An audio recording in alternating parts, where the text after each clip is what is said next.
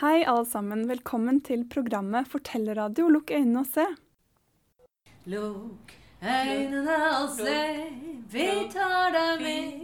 Østen for sola, østen for Østen for sol og vesten for månen.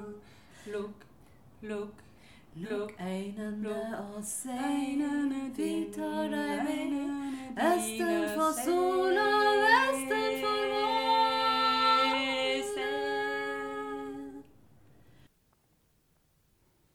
For lenge, lenge siden, før tiden var, var Ginungagap. Det vibrerende mørket hvor alt som skapes, kommer opp fra. I nord i Gnungagap var Nivulheim, det mørke og kolde stedet med is og sne overalt, og i syd var Muspelheim, det lyse og varme stedet. Så en dag så begynte isen og sneen å smelte med denne heten fra Muspelheim, og langsomt, langsomt dryppet det en eiterstrøm ut av Ginungagap og formet seg til urjotnen Ymir og kua Audhumla. Audhumla matet Ymir med melken som strømmet i fire store elver ned i gapet på Ymir. Og Ymir vokste og vokste og begynte å strekke seg utover hele Ginungagap. Ymir var tvekjønnet, så en dag begynte Ymir med sine to føtter og svetten under armen, armene å avle den farlige, men tallrike Jotun-slekten. Så en dag så vandret Adumla rundt i Genungagap, og så fikk hun øye på en saltstein, og det vet vi, kul liker salt, så den begynte å eh, slikke og slikke og slikke, og da aften kom, hadde hun slikket frem tre hårstrå av denne saltsteinen, og hun kunne nesten ikke vente til neste dag, hvor hun skyndte seg tilbake og slikket og slikket, og da aften kom, hadde hun slikket frem et helt hode. Og dagen etter, etter å ha slikket hele dagen, hadde hun slikket frem en hel skikkelse. Og det var Bur, den første guden. Han ble kalt Bur, eller Bor, og det betyr sønn. Kanskje han var sønn av Audhumla, at det var det hun trodde han var. Men i hvert fall, det som skjedde, var at Bur han så seg rundt for å finne en han kunne gifte seg med, og det var datteren til en vis jotun, og hun het Besla. Ja, for jotnene var visere enn gudene. Og da flyttet Bur og Besla inn i Åsgård. Og der fikk de tre sønner, og det var Odin og Vili og Ved. Og de vokste opp, de, som de skulle. Og så viste det seg at verken sol eller måne visste hvilke veier de skulle gå, og da var det at de tre brødrene bestemte hva som skulle skje videre, og det var at de satte en skinnende hvit hest foran solen og, som trakk den over himmelen, og en nattsort hest som trakk månen over himmelen om natten. Og så tok de resten av glørne som var i Muspelheim, og kastet ut over hele himmelen, og derfor har vi stjerner på himmelen den dag i dag. Men nå hadde etter hvert jotnene blitt så tallrike at gudene samlet seg og bestemte at Odin og Hvile og Ved skulle drepe Ymir. Og så ble, ble, det laget et kjempesverd som alle tre måtte løfte, og det gjorde de, og med ett hugg så delte de Ymir i to. Og nå lot gudene alle jotnene drukne i blodet de, som fosset utover. Men et ektepar hadde gjemt seg i melkisten, og så krøp de oppi den og lukket lokket, og så lot de seg drive nedover denne blodstrømmen, inntil de kjente et dunk, og så løftet de litt på lokket, og så så de at de var kommet til et land hvor de ikke så noe tegn til noen av gudene, så de gikk i land. Og så begynte de å formere seg igjen, og ble snart tallrike, så ukrutt forgår ikke så lett. Men Odin og Hvile og Ved ville ikke la noen ting gå til spille, så de tok alt kjøttet til Ymer og skapte jorden. Blodet ble til alt havvannet på, på jorden, og knoklene til Ymer ble til høye fjell, og uh, håret ble til trær og busker. Og så tok de hodeskallen til Ymer og lot fire dverger som het Nordre, Østre, Sydre og Vestre, holde denne hodeskallen oppe, og så lot de hjernen til Ymir bli til virvlende skyer under himmelen. Ja, og den dag i dag kan vi, kan vi se tenna til Ymir, for det er alle de kampesteinene vi kan se når vi vandrer opp i fjellet, ja. Men så tenkte gudene at de ville skape Midgard, for der skulle menneskene bo når de ble skapt. Og så tok de øyenbrynene og øyenvippene til Ymir og skapte om til Midgard. Og derfor kan menneskene se utover i hele kosmos, men vi kan også se innover i vårt indre kosmos. Og så var det slik da at tre blide guder gikk ut av Åsgård, og denne gangen var det Odin og en gud som het Høner, og en som het Lådur. Og det gikk langs havkanten, og så fikk de øye på Ask og Embla, som var to trestokker, og det var de første menneskene. Da var det, og de hadde verken fortid eller fremtid, men da var det at Odin ga de pusten og evnen til ord. Høner ga de tankekraft, og låder ga de vakre farver og bevegelse. Og så ble menneskene plassert i Midgard.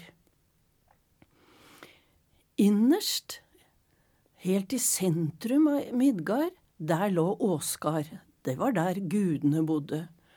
Utenfor Midgard, der var Utgard, og der holdt jotnene til. Men så var det at eh, Odin gjorde noe merkelig i tidenes morgen. Han inviterte den vakre, men farlige jotnen Loke opp til Åsgård og blandet blod med ham. Loke var vakker, for hans mor var en alv, mens faren var en hardtslående jotten. Og denne samme Loke hadde tre barn med en som het Angerbåda i eh, Jotunheimen. Og med henne hadde han tre monsterbarn. Det var Fenrisulven og Midgardsormen og datteren Hel. Og så var det slik da at Odin, han hadde drømmer, mareritt, om at når Ragnarok kom, så skulle Fenrisulven drepe ham. Så han sendte bud på disse barna. Fenrisulven ble bundet, og der ble den liggende helt til Ragnarok. Og så tok den Midgardsormen, som da var først en liten orm, og kastet ut i havet. Og den vokste og vokste, og bet seg selv til slutt i halen. Mens datteren Hel, hun ble sendt ned til dødsriket, hvor hun skulle være dronning og vise hver og en til sin rette plass.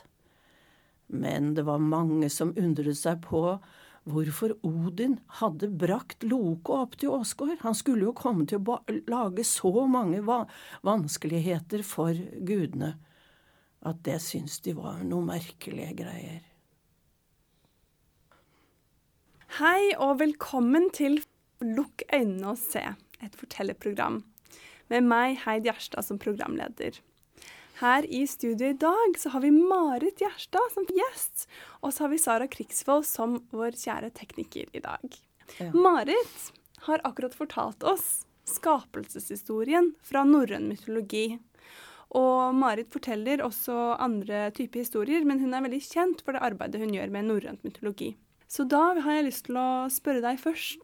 Hva er det som er eh, viktig med denne skapelseshistorien?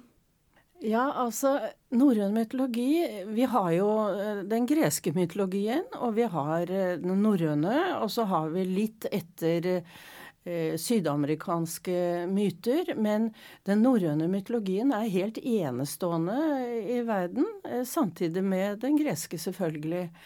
Eh, derfor syns jeg det er veldig viktig, og skapelseshistorien syns jeg jo er helt vidunderlig.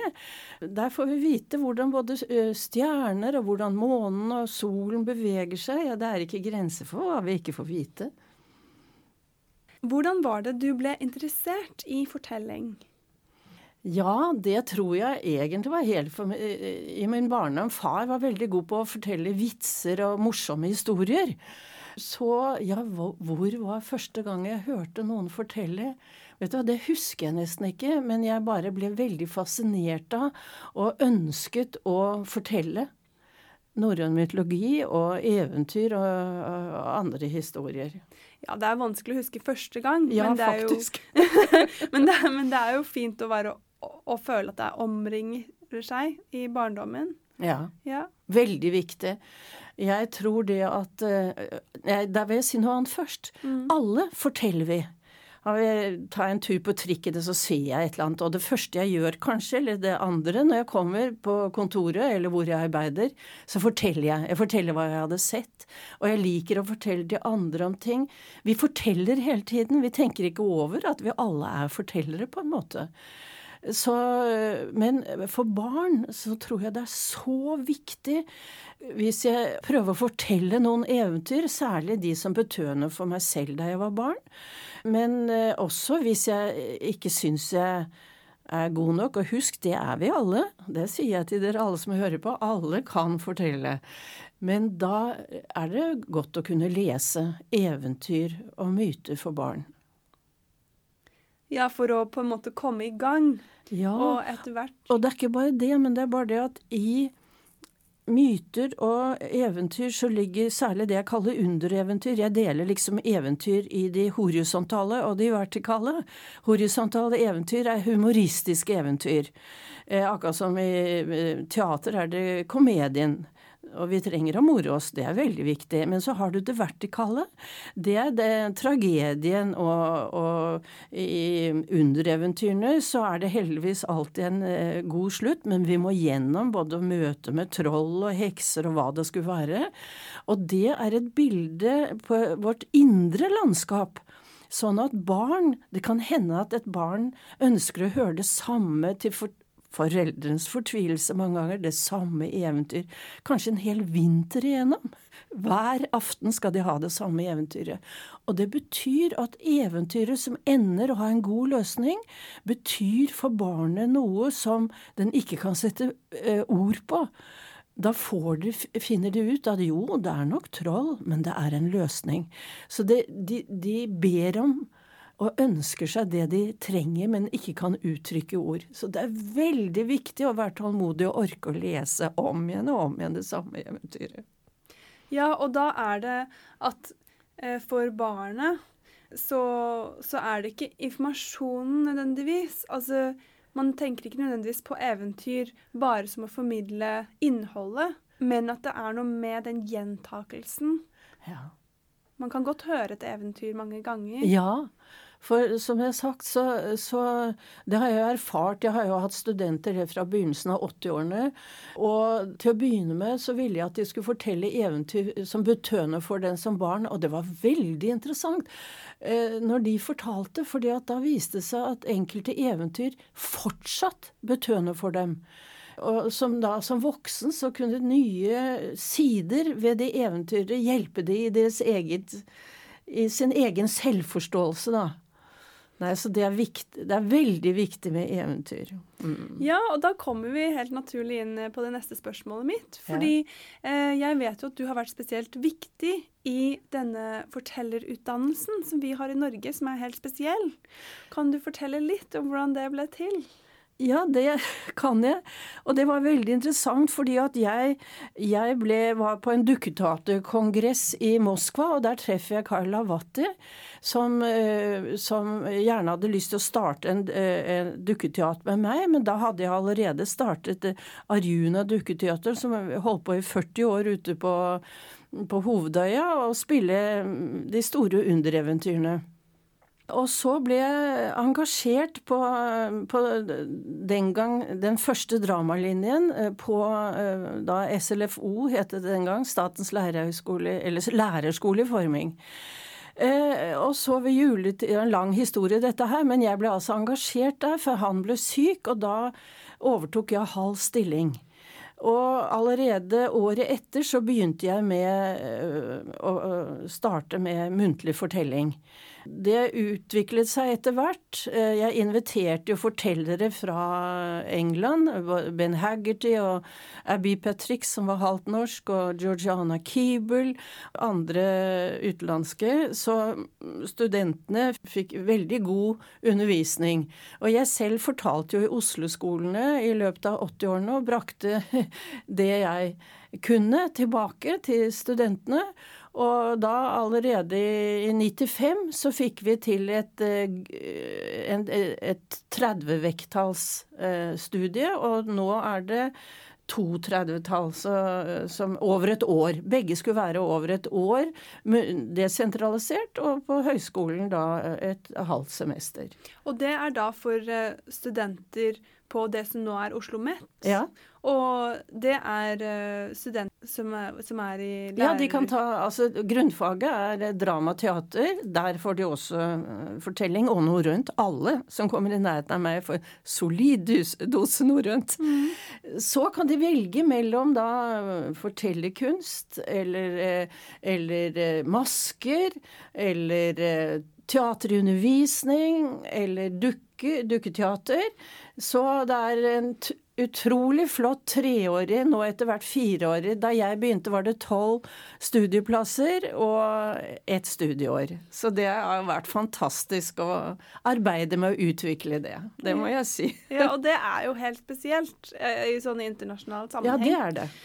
Ja, så fantastisk. Og så vil jeg jo eh, spørre litt videre, fordi ikke som sagt, som forteller så er du jo kjent for dette med det norrøne. Ja. Um, og hva, hva, Jeg vet ikke om det går an å uttrykke det, men hva var det som tiltrakk deg ved det norrøne?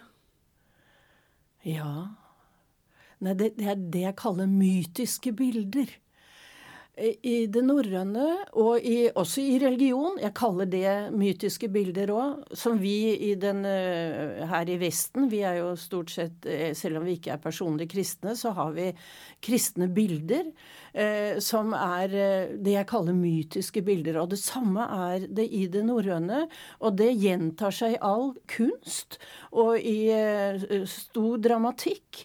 Shakespeare, for eh, brukte som regel historier, og den Eh, fra den med Sivs hår. Det på den slutten, eh, der hvor eh, dette med hodet og ikke røre halsen, det bruker Shakespeare i, i et av skuespillene sine. Nei, mytiske bilder er noe vi alle har, og som vi gjenkjenner i poesi og osv. Så, videre. så det er dype ting i menneskeheten til alle tider. Er det, er det den 'Merchant of Venice' ja. hvor det er hjertet, men ikke ja, blodet? Ikke ja, blodet. det husker jeg. Ja, det syns jeg er så morsomt. Det han, hentet han da fra, fra norrøn mytologi. Ok, ok. Ja, det, ja fordi det er um, dette er jo noe som lytterne får høre til slutt. Ja. Eh, så dere må glede dere til, eh, til det. Og så kan ja. dere også tenke på Shakespeare ja. eh, når dere får høre det. Ja, mytiske bilder. Og så Jeg ville også spørre, fordi eh, eventyr, eh, undereventyr, er også viktig for deg. Og ikke minst gjennom Dukketeatret, slik du nevnte. Hvorfor er eventyr viktig? viktig? Jo, som regel er det tre brødre. Det er Per og Pål og Espen Askeladd. Og det er tre sider av oss. Vi har Per og Pål. Da går vi forbi. Vi hjelper ingen. Men så er det Askeladden, som det står roter i glørne. Og ild er eh, forbundet med det høyere, med man kunne si guddom. Og gull er også det. altså Veldig med alle disse elementene som er i eventyrene, har, er da my mytiske bilder, faktisk. Og så er det da enten det kan være en, kan være en gammel kjerring som har nesen i en, en stabbur, eller det kan være en gammel mann, eller hva som helst. Poenget er at de to eldste går forbi, mens Askeladden kommer. Og da, når han har greid den første prøven, så får han anledning til å møte trollet. Og da må han greie å stå imot. Og det gjør han. Det er virkeligheten på et indre plan. Det er det samme som vi opplever ute i dagliglivet vårt. Men vi tenker jo ikke mytiske bilder da. Men eventyrene har det, og derfor er det så viktig for barn og ungdom. Der kan man velge eh, Jeg dramatiserte og satte opp eh, et sigøynereventyr, og den blir spilt for ungdom. Fordi at den hadde med hvilke valg tar jeg osv. Så videre. sånn at eventyrene har så mye i seg. Men det er jo ikke alltid ungdom syns det er så spennende å høre eventyr, da. Men jeg greide en hel klasse å få det til å gjøre dette. For da skulle de igjen fortelle det i en barnehage. Da gikk de med på det. Så du må lure de lite grann, da. sånn er det. Eh, nå skal vi høre Marit fortelle begynnelsen på en historie som vi også får høre slutten på i slutten av sendingen. Og hva er det denne historien heter? Den heter Sivs hår. Så vær så god. Loke listet seg inn der Thor med kona hans som het Siv, lå og sov. Så tok han og klippet alt håret av henne, og så skyndte han seg ut igjen og sto og ventet for å høre hva som skjedde videre. Og neste morgen, da Siv våknet og tok seg opp til hodet, så var alt håret borte, og hun skrek til Thor, Håret mitt, Thor! Håret mitt! Og Thor skjønte jo med en gang hvem som hadde gjort det, men da hadde Loke stukket av, han hadde syvmilsstøvler, og løp av sted og var borte i en fei. Thor var etter han på et øyeblikk og fikk tak i han og satte han foran seg, og så sa han nå kommer du til å lide en langsom og smertefull død hvis du ikke ordner opp i dette her. Ja, ja, ja, ja, ja, ja, sa Loke. Jeg skal bare eh, dra ned til eh, svartalvene, som er familien min, og skaffe, eh, skaffe Siv eh, gullhår som vokser av seg selv. Thor snudde seg til Siv. Jo, nei, hun hadde ikke noe mot å få gullhår som vokste av seg selv. Ja, så stakk Lukas det ned til svartalvene som bodde langt under jorden. Og de laget tre ting. Først et spyd, og dernest gullhåret til, eh, til eh, Siv. Og det tredje var en magisk båt. Og så ga de alle gjenstandene til Loke, som tok det under kappen sin og begynte å gå hjem. Og han var så fornøyd med seg selv.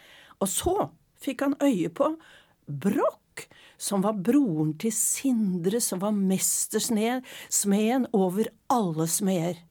Og så sa han til Brokk, ha-ha, se på dette, du, det greier ikke broren din. Å, det gjør han det, sa Brokk. Og så dro de til smia der Sindre var. Men Sindre ville jo ikke ha noe med eh, Loke å gjøre, så han sa ha deg vekk, jeg vil ikke ha noe med deg å gjøre. Aha, sa eh, Loke, jeg vedder hodet mitt på at du ikke greier å skape så fine ting. Ah, da ble Sindre eh, interessert hodet ditt sånn. Ja vel, da går jeg med på det, skal vi se hva som skjer. Og så la han et galteskinn i essen. Og så sa han til Broch nå må du trekke i blåsebelgen. Ja da, det, det pleide Broch å gjøre, så han trakk og han trakk og trakk. Da hadde Loke fått Han begynte å bli litt betenkt, så han skapte seg om til en svær flue som eh, stakk Broch på hånden, og blodet begynte å renne, og vondt gjorde det. Men Broch stoppet ikke, han holdt på, og da Sindre kom tilbake, så tok han ut av, av essen en levende galte som hadde gullbust over hele kroppen. Og så tok Sindre en gullklump og la i essen, og så sa han igjen til Broch at nå må du ikke stoppe, det er helt vesentlig. Nei, nei, nei, sa Broch, han, han skulle holde på, men han så seg rundt. Hvor var fluen hen? Men han stoppet ikke, selv om fluen bet han så det gjorde så vondt i nakken, og blodet rant. Han holdt ut helt til Sindre kom tilbake. Og så tok Sindre ut en gull armring. Og den Ja, Broch hadde aldri sett maken før. Og det aller siste som Sindre la i essen, det var en, en jernklump. Og så sa han, gjentok han til Broch, hva du enn gjør, så må du ikke stoppe. Nei da, nei da, sa Broch og så seg rundt. Han, han, han, han skulle trekke i, i, i, i, blåsebelgen, det skulle han. Og han begynte å trekke, og han trakk og han trakk og han trakk. Og så kom denne svære fluen og bet han mellom øyenbrynene så blod rant ned i øynene, han kunne ikke se noen ting. Og så tok han fort armen for å tørke vekk blodet, og i det samme kom Sindre løpende inn. Og så sa han nå hadde det nesten gått galt, men han tok da en hammer ut av, av essen. Han sa skaftet er litt for kort, men jeg tror det går bra. Så ga han alle tre tingene til Broch og sa nå kan du gå opp til, til gudene sammen, og så skal vi se hvordan det går. Ja, eh, hvorfor ville du dele denne historien med oss? Marit? Jo, vet dere, det er så interessant, syns jeg. For Loke gjør noe for å være ondskapsfull. Og så ble han tvunget av gudene til å øh, rette det opp. Og han lar seg jo friste, altså han var jo så fornøyd med seg selv, ikke sant, så han skulle jo vise da eh, vise seg frem for, eh, for Broch. Og så ender han med å tape. Men det er ikke det viktigste. Det viktigste er at gudene får alle de magiske gjenstandene de trenger i kampen mot jottene. Og for meg er det et paradoks. Fordi at jeg var jo barn under krigen og fikk høre om de grusomme forholdene med øh, gassing av jøder osv., og, så og jeg syns jo det var så forferdelig. Så jeg har alltid vært opptatt av dette. Også her er det et eventyr, eh, ikke eventyr, dette er jo en myte, hvor ondskapsfullhet blir snudd til noe ikke bare positivt, men til noe magisk. Altså det gudene trenger. For meg er det et paradoks som jeg ikke kan si noe mer om, jeg bare har det med meg. Derfor vil jeg så gjerne fortelle Sivs hår. Ja, og så i tillegg til å fortelle, og selvfølgelig å undervise, så har du også skrevet bok. Ja, ja, det har jeg. Om muntlig Den heter egentlig fortellerkunst. Og der tar jeg for meg Jeg analyserer et helt eventyr som heter Gullfuglen, som er ved alle elementene i disse elementene som er så viktige i eventyrene. Og jeg går inn på språk, hvor viktig språket er, er. Og i dag lever vi i en tid hvor vi blir overdynget med bilder. Vi mister på en måte ordet i dag, og alle snakker voldsomt hurtig, så vi nesten ikke får det med oss alltid. Uh, så, så vi lever i en veldig stresset tid, på en måte. Det tror jeg nesten de fleste føler.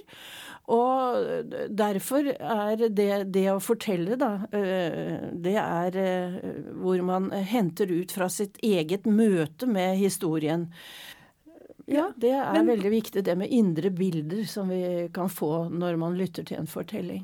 Så boken er til for Eh, ja, for... den er til for alle som er interessert i fortelling. Mm. Da, da, får de hjelp til eh, hvilke øvelser man kan gjøre. Og, så jeg går nøye gjennom det, og måter å analysere et eventyr på. Og også til slutt eh, noen eh, For de som arbeider med barn og ungdom, så er det også hvordan noen av studentene mine har valgt å, å bringe det inn i forskjellige øvelser, dramaøvelser opplevelser eller hendelser. Den heter fortellerkunst. Ja, og da, hvis noen er interessert i å utforske dette, så finnes det selvfølgelig kurs, og man kan gå på denne utdanningen på Oslo Ja, Met. ja. Men, eh, men det Men man kan også også selv komme langt på vei eh, ved å bruke eh, boken. ja. Og så har jeg jo egentlig også skrevet en bok sammen med Anna om norrøn mytologi. ja. hvor Knut Harris og jeg har nyoversatt Vårlus på. Eh, hovedsakelig Knut, da, men vi har gått sammen om det. Og der går jeg inn og forklarer vers for vers hva som står i Vårlysbo. og det kan være litt vanskelig å trenge inn i det, men da får man linje for linje hva som står. Og så tar vi for oss tallmagien og dyrene og alt som er i norrøn mytologi. Så den må jeg si jeg må anbefale. ja For den, de som er interessert i norrøn mytologi. Ja, og, og da er den ehm, eh, Fordi det er eh, For de som ikke er så kjent med hva Ja. Vårluspå er, Ja. så det, er ja. ja. det Vårlusbå er eh, Det vi har i dag, eh, det er eh, den poetiske Edda.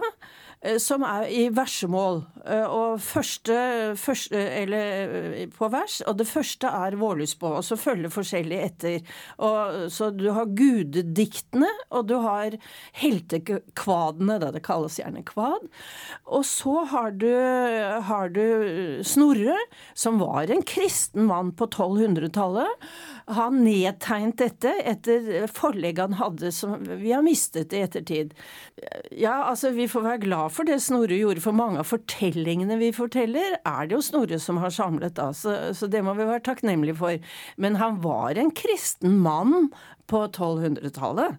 Og jeg mener jo at, og Knut og jeg mener at uh, dyrkingen av uh, Vårlusbå og modegudinnen, her i form av uh, Audhumbla, går uh, flere tusen år tilbake. Vi vet kanskje tilbake til nesten 3000 år før Kristus. eh, Kristus. Modegudinnekulten som eksisterte i middelhavsområdet, var ganske hurtig kommet opp her i nord. ja. Så vet vi det. Nei, men det er, er en veldig fin overgang til det neste spørsmålet jeg hadde tenkt å Ja. stille. Radio Rakel er jo en feministradio. Ja, nettopp. Veldig bra. å Ja. Jeg hadde jo tenkt til å spørre om kjønnsperspektivet. Ja. Ja, og det er jo veldig viktig i vår tid. Og det er veldig viktig, jeg skal bare nevne at det er 4500 år hvor mennene har liksom tatt innersvingen på oss kvinner. Så det er på tide at det blir en forandring. Og det holder vi jo på med, men vi må være litt tålmodige, da. Det er ikke så lett å være mann i våre vår dager heller. For plutselig blir de fratatt overherredømme, og det er ikke lett å gi fra seg. Det vet vi alle. Men Så hva er fortellingens plass? Fortellingens plass er Du skjønner, jeg husker jeg spurte en liten gutt om eh, akkurat dette her. Eh, for da hadde jeg fortalt et eventyr hvor det var en eh, prinsesse som var hovedpersonen. Nei da, det spilte ingen rolle. Ja, for jeg følte akkurat det hun følte, sa han. Fordi at eventyrene dreier seg ikke om kjønn. Det er akkurat som Da jeg var barn, så lurte jeg på hvor fru Gud var hen. Det var det jo ingen som kunne svare på. Men vi må være klar over at selv Gud Det er jo helt latterlig å si 'han' om Gud. Gud, hvis det eksisterer en Gud, kan jo ikke være kjønnet. Det har, jeg klart for meg, men eh, det tar vel sin tid. I, bare nevne ja, I norrøn tid, da var Gud intet kjønn. Og det, det burde vi eh, fastslå. Ja, nei, det er Men det med kjønn, jeg må bare ta det opp litt i eventyrene. Det er ikke prinsesse Det har jo Walt Disney ødelagt helt. Det derre superprinsessegreiene og sånn. Det dreier seg ikke om det. Det dreier seg om den feminine siden av oss og den maskuline. Både menn og kvinner har en feminin og en maskulin side. De forskjellige eventyrene taler til de sidene i oss. Det har ikke noe med det ytre å gjøre i det hele tatt. Så da eh, lurer jeg på Har du noen tanker om hvilken rolle fortelling spiller, eller kan spille, i samfunnet? Ja, altså jeg tror det er helt vesentlig fra barnehage, førskole eller sånn eh, småbarnsskole og til ungdom. Jeg tror det er helt vesentlig med da både eventyr og myter. Helt vesentlig. For dette gir indre bilder som, kan, som kan løse vanskeligheter i livet vårt. Eventyrene lyver aldri. De sier at det er troll. De sier det er hekser. De sier det er ondskapsfulle brødre eller stesøstre. Og det opplever vi, men vi må også være klar over at vi har alle disse sidene selv. Det er jo det som er så interessant. Vi har en side hvor vi er den overlegne å gå forbi, og vi har sider hvor vi stopper og hjelper. Sånn at det er på en måte Antageligvis kan, kunne man si at uh, dette er alle menneskers på jorden de som ikke er så opptatt av religion, eller også de hvor religionen stort sett har jo vært for de som Det har jo vært maktmennesker som har tatt over religionen. Eh, det, det ser vi jo både i dag og, og tidligere tider. Da har eventyrene og mytene vært der for å kunne støtte folk. Og så er det mange morsomme eventyr, da. Det er det. Og humor er utrolig viktig. vi må le oss selv og det hele, ellers så greier vi ikke å leve. Vi må kunne le. Nå begynner vi å gå mot slutten her. Når du har denne lange undervisningserfaringen, ja. Hvordan er det man formidler en fortellerevne til en annen person? Det er et veldig interessant spørsmål. For det at uh, jeg har jo også hatt, etter at jeg sluttet, så har jeg hatt masterclasses. For noen av de som var, var, var eh, dyktige fortellere, så kunne det være at de ikke skjønte eventyret ordentlig, eller de, slutten likte de ikke, så jeg måtte gå inn og eh, vise det, det til dem. Andre ting kan være at jeg hjelper da studenten Det aller viktigste er at de henter De velger et eventyr som de liker. De må ikke bry seg om om det er første klasse eller andre eller tredje. Det syns jeg bare er tull. De skal velge et eventyr som betyr noe for dem. Og så, fordi at da greier de å formidle gjennom sitt eget liv. Komme frem. Og da kan de på en helt annen måte formidle et eventyr til ungene. Da hører de i stemmen til eh, fortelleren. Sånn at da arbeidet jeg veldig med å finne frem det som betød noe for dem da de var barn og unge.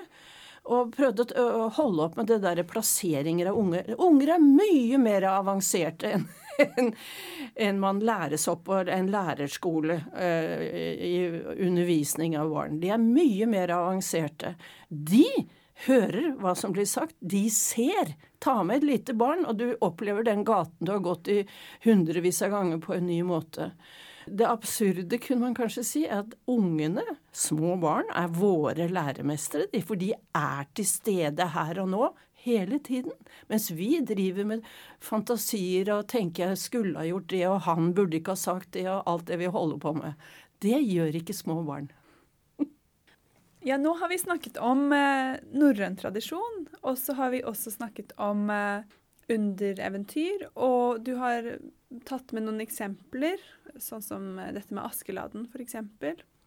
Og nå har du også fortalt litt om at det er helt sentralt at en eh, fortelling skal være viktig for en person. som forteller. Som forteller. Mm.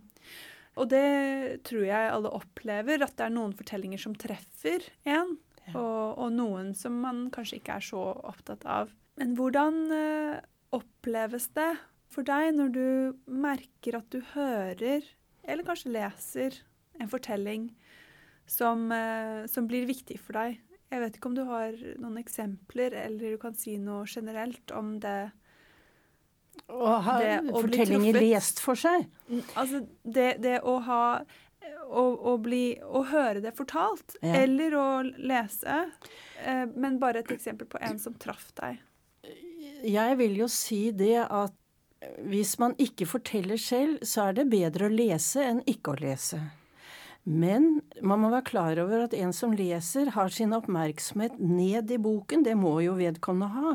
Men når du forteller, så er du fri fra det. Du kan, all din oppmerksomhet kan gå til de som sitter foran deg, og du kan ha øyekontakt med, med barn eller voksne. Og da har jeg lyst til å nevne en gang, for jeg hadde forberedt et eventyr som var typisk for voksne, og så hadde min nære venninne tatt med eh, barnebarnet som var tolv, nei, ti år. Og da observerte jeg meg selv at jeg, hele historien forandret seg og språket jeg brukte, alt Jeg fortalte samme eventyret, men hun satt der, og da responderte jeg. Det blir litt som jazzmusikere som improviserer i forhold til eh, Du har en helt annen mulighet til å improvisere. Eh, men jeg sier jo ikke at ikke noen er veldig dyktig til å lese, altså, så, så det er ikke det. Men jeg bare holder frem det, det jeg har sagt nå. Ja. Og du har jo jobbet også mye med drama. Ja. Eh, så er det noe der med forholdet mellom drama og fortelling. Hvordan? Ja, altså vi I 40 år så både dramatiserte jeg og øh, instruerte folkeeventyrene. Du har jo I teatret så har du jo scenografien, som øh, Da presenterer du jo det indre bildet på en måte for publikum. Nå brukte vi veldig ofte mer sort bakgrunn, i hvert fall på slutten. Eh, de siste årene hvor vi hadde store dukker og synlige fortellere. Dette var Dukketeatret på Hovedøya? Ja, Ja, ja, unnskyld meg. Arjuna Dukketeater på Hovedøya. Jeg har nevnt det tidligere. Ja. Da blir det at du trekker frem de stedene som er viktige for at historien går videre og som har betydning for å understreke betydningen i historien. Det er jo det som gjør når du dramatiserer. Så ja, det går fint, det. Det som er vanlig ofte med, i vanlig teater, det er at de psykologiserer eventyr, og da ødelegger de det litt. De, ja, hva mener du med å psykologisere? Ja, De gjør det til eh, at eh, prinsessen er et, en vanlig pike, og det er hun ikke. Det er hun absolutt ikke. Og da blir det litt Walt Disney, da. Så, men unger er, tar det de får, de. Har glede av det. Derfor trenger de noen som også kan gi den andre siden. Ja, dette har vært kjempehyggelig å snakke med deg, Marit. Og nå får vi også høre slutten av denne historien eh, om Sivs hår. Og eh, jeg har lyst til å si takk for oss. Det har eh, vært eh, intervju med Marit Gjerstad som for øvrig er min farmor. Og jeg heter Heid Gjerstad, og tekniker i dag har vært Sara Krigsvold. Takk for oss. I Åsgård så visste gudene nå at eh, Loke og, og Brokk var på vei. De samlet seg i den store gildesalen, og der eh, bestemte de at Odin og Thor og Frøy skulle være dommere. Og ikke før hadde de satt seg ned. Så kommer Loke med Brokk etter seg. Og Loke bøyde seg og var eh, veldig fornøyd foran, foran, Odin, og så sa han Ærede Odin, dette spydet som jeg holder her, heter Gugnir, og når du kaster det, så treffer du, og det blir ikke sittende fast, så du får tilbake. Nei, det syns jo Odin var et fint eh, spyd å få. Og så snur eh, Loke seg til eh, Thor, og så sier han ærede Thor, nå kan Siv komme frem, for her Og så trakk han gullhåret frem. Og så fikk Siv det eh, på seg, og så begynte øyeblikkelig håret å vokse. og med krøller nedover ryggen hennes, og alle gudinnene så på og syntes det var et fint hår, da. Og så snur Loke seg til Frøy, og så trakk han frem akkurat som et sånn lommetørkle fra lommen, og så kastet han det opp i taket. Og så ble det til en svær båt som hang under, under taket, og alle gispet. Hva var nå dette her for noe? Og, og så, sa, så sa eh, Loke, denne båten her, Frøy, i den kan du plassere en hel hær. Og den drar like greit over land som over vann. Og når du ikke trenger den lenger, og så strakte Loke hånda opp, og så trakk han hele, hele båten ned, så det ble til denne, dette lommetørkleet. Så bretta han det sammen, og da kan du bare putte det i lommen til du trenger den neste gang, sa han.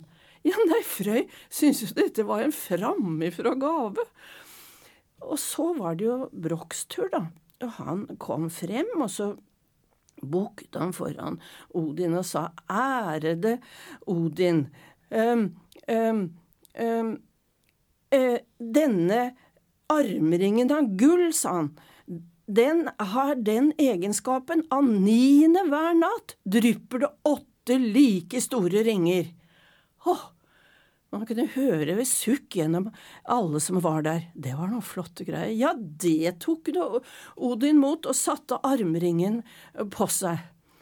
Og så snur eh, Broch seg til Frøy, og så sa han ærede Frøy, og så hadde han tatt med seg denne galten eh, i en rem, og så sa han, holdt han frem, denne galten, skjønner du, Frøy, er slik, hvis du ser alle, alle, eh, alle hårene på galten, de er av gull, sånn at når du rir på den, og det går mye fortere enn en enn en hest, og da lyser Er det om natten, så lyser alle hårene.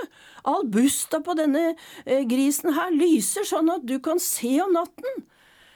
Ja, nei, Frøy, han takket jo, dette var noen fine greier.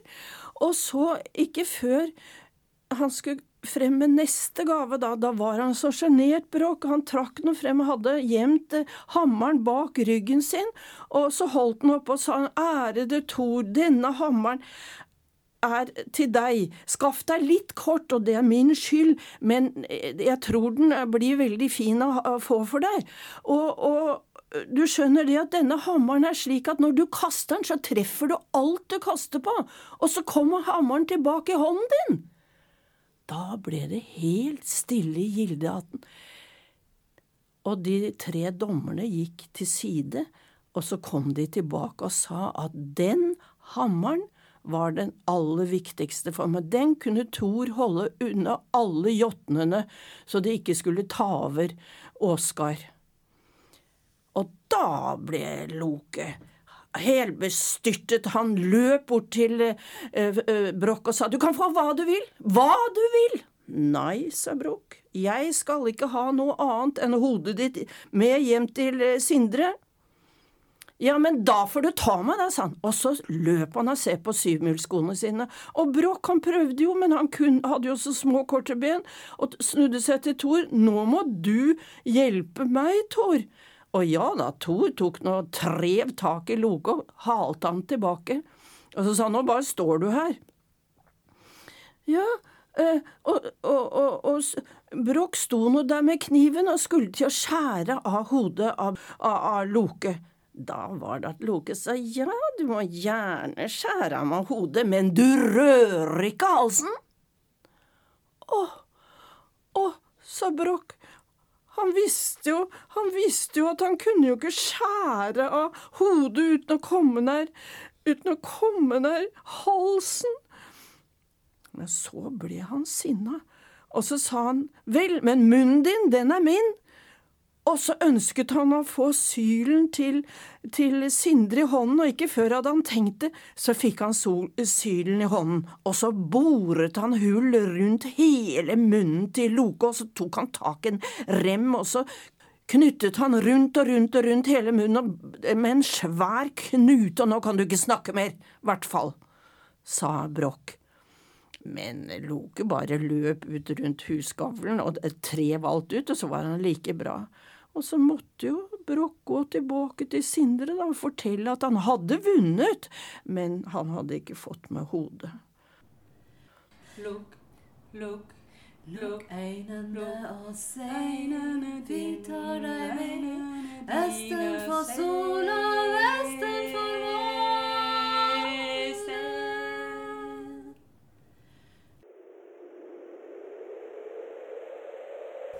Du kan fortelle historier, du også. Med et av Fortellerhusets fortellerkurs blir du en knallgod forteller. Se fortellerhuset.no kurs. Fortellerradio Lukk øynene og se sendes klokken 15 hver mandag med reprise klokken 11 på lørdager her på Radio Rakel 99,3. I programmet Fortellerradio møter du fortellere som er tradisjonsbærere. De forteller ting som de har fra sin tipp-tipp-oldemor.